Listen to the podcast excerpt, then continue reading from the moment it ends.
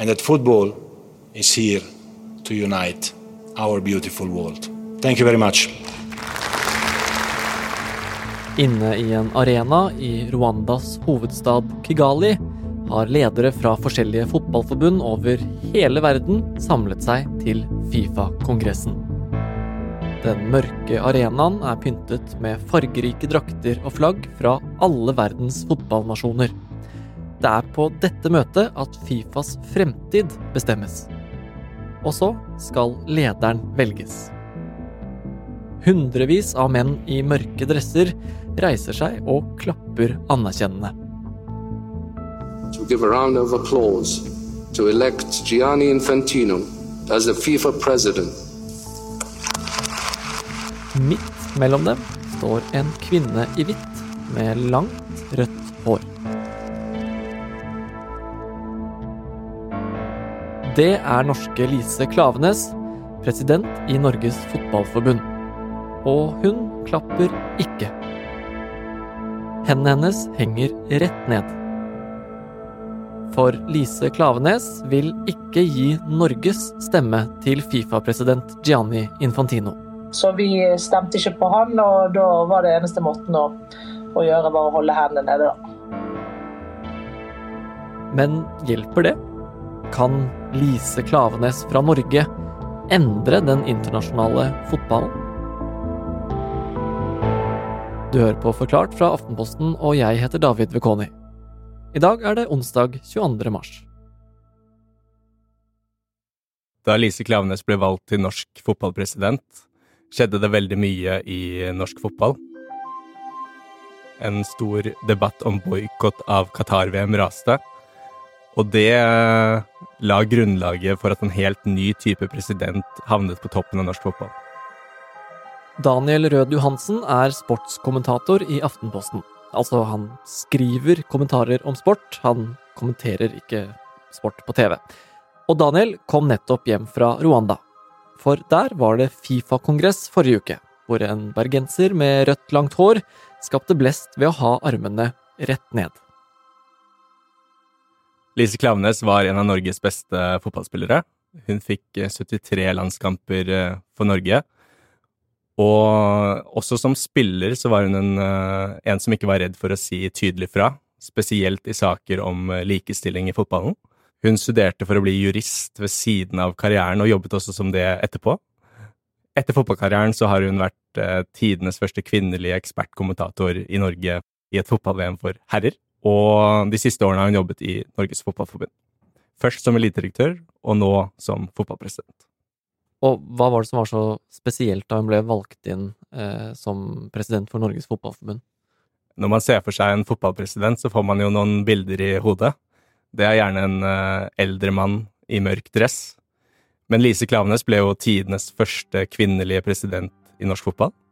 Og i tillegg så er hun en helt annen type fotballeder. Hun fremstår ikke som en klassisk fotballpolitiker som spiller spillet, men en som er brutalt ærlig i en uærlig verden. Og nå er det ganske nøyaktig ett år siden hun ble valgt til å lede norsk fotball fremover. Så har det skjedd noe siden da? Lise Klavenes har jo alltid kjempet for likestilling, og det har hun fortsatt med som president. At Ada Hegerberg, den store stjernen til Norge, kom tilbake på landslaget, er mye Klavenes sin fortjeneste. Men det hun har markert seg aller mest med, er kampen på den internasjonale scenen. For som norsk fotballpresident er hun også involvert i Fifa, det internasjonale fotballforbundet. Og der har hun måttet være mer politiker enn hun kanskje vil.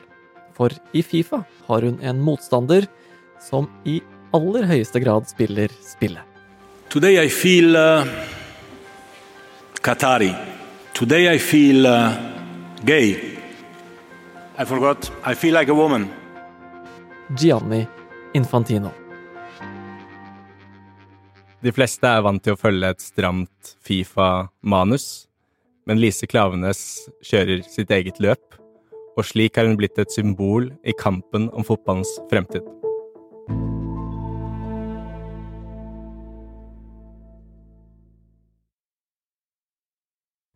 Kongressen er i ferd med å starte i Rwanda. Og på scenen setter Gianni Infantino, Fifa-presidenten, seg ned. Han ser noen i salen og gestikulerer veldig seierssikkert med tomler opp og vink. Men mange kameraer er vendt en helt annen vei, for der sitter Lise Klavenes en langpasning unna Fifa-presidenten. Kamerateam fra flere land flokker seg rundt den norske fotballpresidenten, og det blir et veldig tydelig bilde på hvem som er de to hovedpersonene i dette dramaet. Og den mannlige hovedpersonen har altså siden 2016 styrt Fifa. Det er jo ikke bare et genialt fotballspill. Det internasjonale fotballforbundet er det øverste organet som bestemmer over fotballforbundene i de forskjellige landene. Og 2000-tallet har ikke vært pent for Fifa. Korrupsjonsskandaler har preget organisasjonen, og store deler av ledelsen er blitt byttet ut. Da kom Gianni Infantino inn i bildet. Infantino ble solgt inn som en fotballens redningsmann. og I starten så var det veldig positiv omtale av, ham. Eh, han kom jo inn etter at Fifa lå med brukket rygg etter en stor korrupsjonsskandale, og Infantino var mannen som skulle rydde opp. I starten gjorde han et poeng ut av å velge et lavprisselskap eh, da han skulle ut og fly, og mediene slukte det rått, fremstilte det som en ny retning for Fifa, men det tok ikke lang tid før eh, lavprisselskap ble til privatfly, og de kontroversielle sakene dukket opp. Som at komitéledere ble presset ut, vennskap med autoritære ledere, og nå er Infantino også under etterforskning i Sveits. Men som fotballpresident for over 200 land er likevel Gianni Infantino elsket. Infantino er en veldig populær mann i store deler av fotballverden. Og det handler mye om at han øh, gjør det han kan for å gjøre fotballen så global som mulig. Fifa er jo en organisasjon med 211 medlemsland, der alle land har én stemme hver i valg av president. Og mange av de øh, er jo veldig glad for at han ønsker å spre arrangementer og penger så bredt som mulig. Det kan jo ikke være sånn at Europa skal ha alt for seg selv. Europa kan ikke være gutten som plukker opp ballen og ikke vil leke med de andre. Men selv om det kan være gode grunner til å gjøre fotballen global, så mener mange at det også handler om pengene. En global idrett er et globalt marked som blir mer penger til Fifa og mer penger å dele ut til alle landene som kan stemme på ham i et presidentvalg. Ute i verden er det mange som drar nytte av jobben Infantino gjør, men her hjemme er det helt andre ting som veier tyngst i dommen over Infantinos styre. Blant annet alle kontroversene rundt VM i Qatar. Og det har vi snakket mye om før. Men kort forklart, Fifa er blitt anklaget for korrupsjon i tildelingen av VM til Qatar. Og Qatar har fått mye kritikk, bl.a. for arbeidsforholdene for migrantarbeidere som har bygget stadionene som fotballspillerne spilte på. Og den kritikken fikk seg en oppsving da Lise Klavenes ble leder i Norges Fotballforbund og skulle tale foran alle fotballtoppene i Fifa-kongressen i fjor. Da i Doha i Qatar. Kongressen i Doha i fjor eh, så ut til å bli en hvilken som helst kongress med et stramt, en stram Fifa-regi, taler, snakk om økte inntekter osv. Helt til eh, Lise Klavenes kom og forstyrret hele festen. Hun eh, steg opp på podiet, og da var det nok ikke så mange som skjønte hva som var i ferd med å skje. Dear President, dear Congress, ladies and gentlemen, all football friends. De visste at hun skulle holde en tale, men det var noe med hvor direkte hun angrep av tildelingen av VM til Qatar, og alle de uakseptable konsekvensene av tildelingen, som hun sa, som traff som et knyttneveslag. In 2010, World Cups were awarded by FIFA in unacceptable ways with unacceptable consequences. Human rights, equality, democracy, the core interests of football were not in the starting 11 until many years later. Grunnen til at det fikk en sånn sprengkraft, er jo at disse kongressene egentlig ikke er en arena for diskusjon i det hele tatt. Så i det øyeblikket markerte hun en helt ny form for motstandskamp. Hvordan var reaksjonene etter det, da? Det første som skjedde, var at andre fotballtopper gikk opp på podiet og snakket henne ned, inkludert VM-sjefen i Qatar og Fifa-president Infantino. Det var tydelig at de ikke var fornøyd med talen. Infantino hadde jo også hatt en del kontakt med Klavenes i forkant, med oppmuntrende meldinger, men etterpå har hun ikke hørt noen ting fra ham. I etterkant fikk hun masse oppmerksomhet fra internasjonale medier, men eh, foreløpig har jo ikke motstandskampen hatt veldig stor effekt, for Qatar fikk gjennomført VM som de ville, og Infantino ble gjenvalgt for fire nye år. Men hvorfor gidder eh, Klavenes å ta opp kampen da, når det er et så overveldende flertall som fortsatt elsker Infantino? Altså, hva er målet? Vil hun bli Fifa-president selv? Jeg tror ikke Klavenes uh, har lyst til å bli Fifa-president i det hele tatt. Det ville nok uh, vært et brudd med mye av det hun står for, hvis hun skulle lyktes med det. Men det handler jo om de små stegene. Klaveness Klavenes skjønner jo selv at hun ikke kommer til å snu Fifa på hodet. Hun prøver sakte, men sikkert å endre en kultur. Få mer lys inn i en mørk organisasjon. Og for eksempel eh, var det jo et forslag fra Norge som gjorde at migrantarbeidere i Qatar i det hele tatt ble nevnt på denne kongressen i Rwanda. Hadde ikke Norge kommet med det forslaget, ville den eneste omtalen av Qatar vært at Infantino igjen kalte det tidenes beste VM. Jeg tror på endring, men det er klart Norge kan ikke gjøre noe alene. Eh, så vi må finne de sakene der vi kan påvirke. Så det hun driver med, er jo påvirkningsarbeid.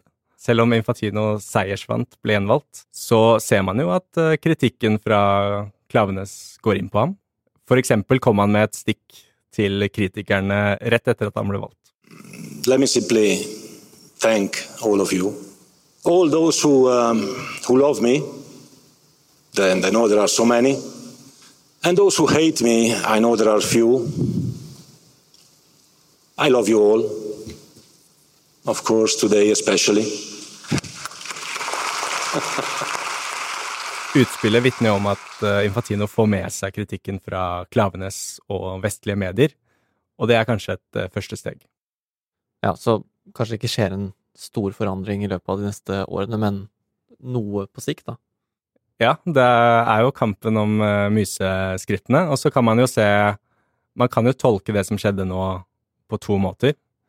Enten kan man se det som at glasset er halvtomt, alt er håpløst, og det er umulig å snu Fifa. Eller man kan si at glasset er halvfullt, og se hvor utrolig mye som faktisk har skjedd på bare noen få år. For bare det at Lise Klavenes er president i norsk fotball, og at Qatar ble diskutert på Kongressen, ville vært utenkelig for bare noen få år siden.